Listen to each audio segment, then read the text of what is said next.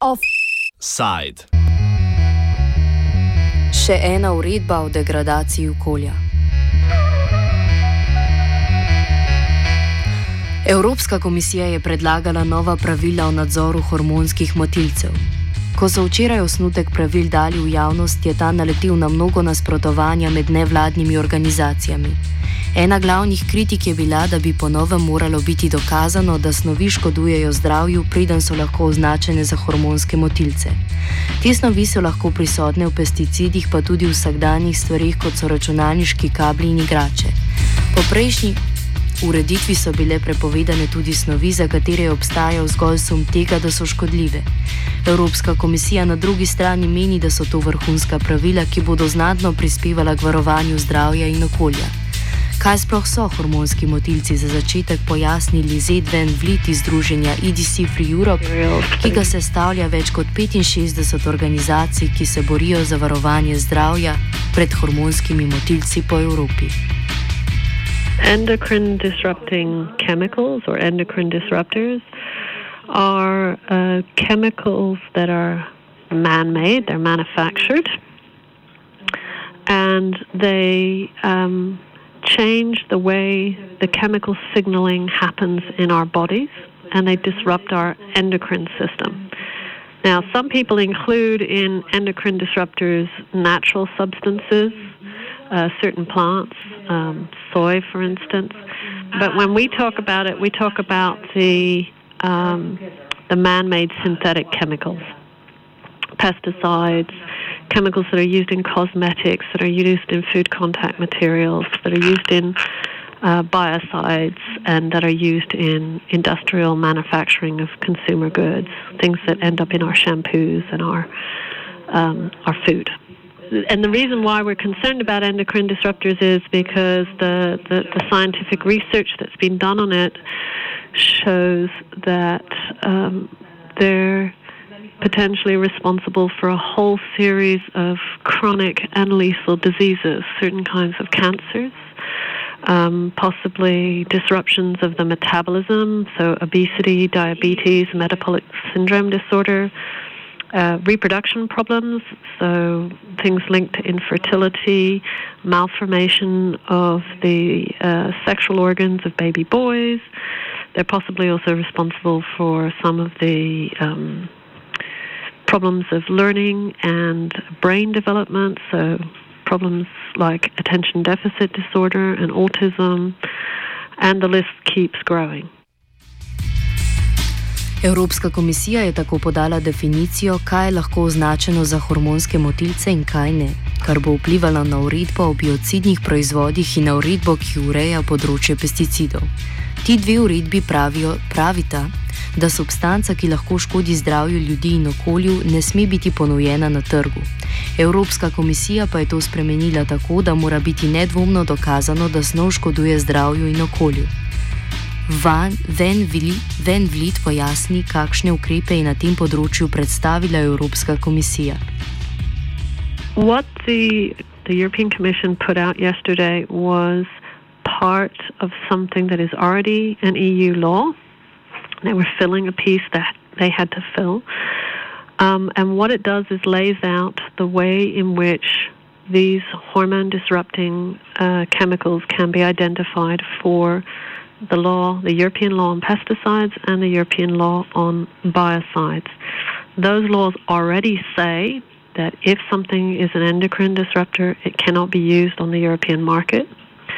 The biocides law is a little different. It says it cannot be used on the European market unless we find we have a really um, big need for it and there's no alternatives and so on. The, the pesticides law says if it's got endocrine disrupting properties, it cannot be used on the European market with one or two exceptional circumstances.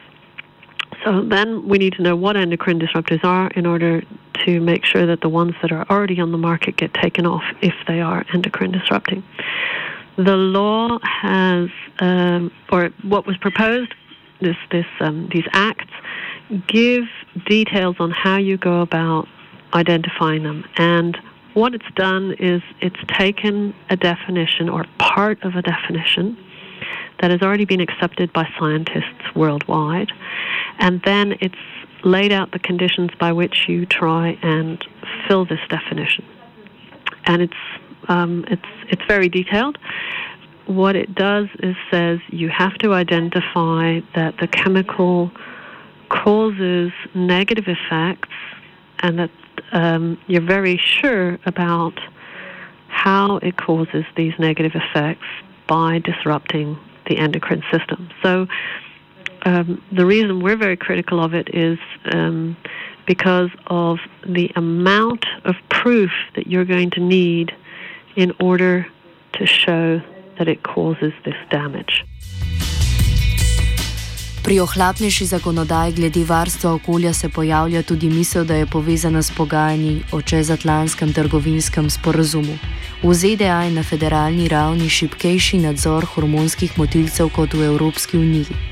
Visoki predstavniki Evropske unije ustrajno trdijo, da pogajanja ne bodo znižala okoljskih in zdravstvenih standardov, zato morda zdaj te standarde znižujejo še pred sprejetjem TTIP-ja. Povezavo s trgovinskim sporazumom komentira Ven Vlit. I, I can't see how it cannot have to do with TTIP because we know that the US industry, the chemicals manufacturing pesticides industry, the agricultural exports um, of U.S. crops. And the U.S. government has spent a lot of time being uh, also involved in this debate about how you identify endocrine disruptors and making a lot of noise when we were going in the right direction and saying, this is terrible, this is not good, this is going to harm U.S. exports, this is going to be very bad, this is not the way you should do it. So, um, I can't prove that the negotiations over the TTIP have directly influenced uh, the European Commission, but I know that there has been a lot of pressure coming from the US side.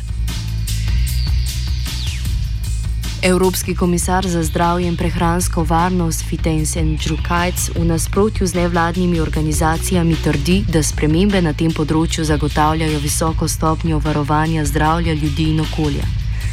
Ven Vlit odgovarja.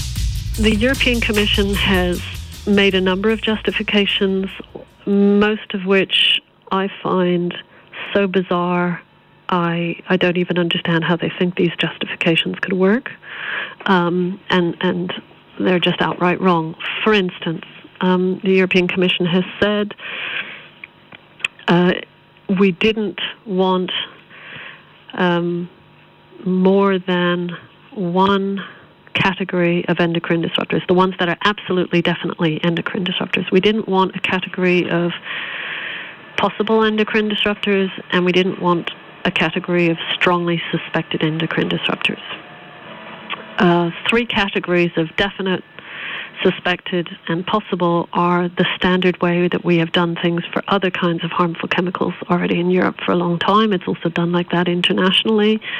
They said we don't want to figure out what might be an endocrine disruptor and what is most likely to be an endocrine disruptor because that doesn't help tell us what an endocrine disruptor actually is but um, that logic just does not stand up. First of all, because the law says may cause adverse effects. So the law actually says um, you have to take the strongly suspected in there. It just didn't use those words uh, exactly. And the second thing is yes, having more than one category helps you figure out what is an endocrine disruptor. Because if you have a bunch of people who are trying to decide based on a lot of complicated science whether something is or something isn't, and they only have a choice, yes or no, it means they either have to overinterpret the science and say, well, we're not absolutely quite sure, but we better put it in because otherwise there won't be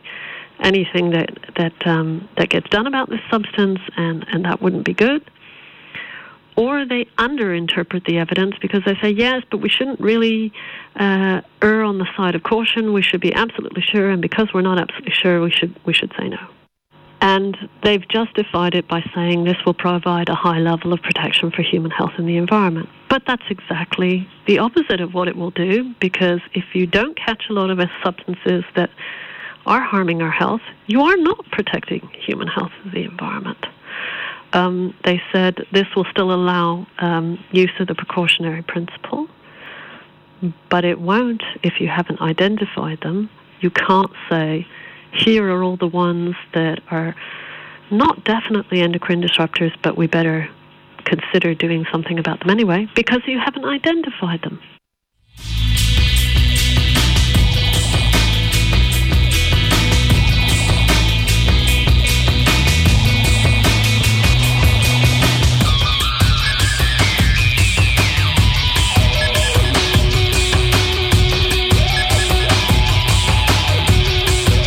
Predstavniki Evropske komisije so bili za komentar nedosegljivi. Spremembe so sicer šele v začetni fazi. Preden bodo stopile v veljavo, bo potrebna še privolitev nacionalnih parlamentov in Evropskega parlamenta, pri čemer je še veliko manevrskega prostora za spremembe in vrnitev. Se upravičujem. Se upravičujem za tole napad smeha.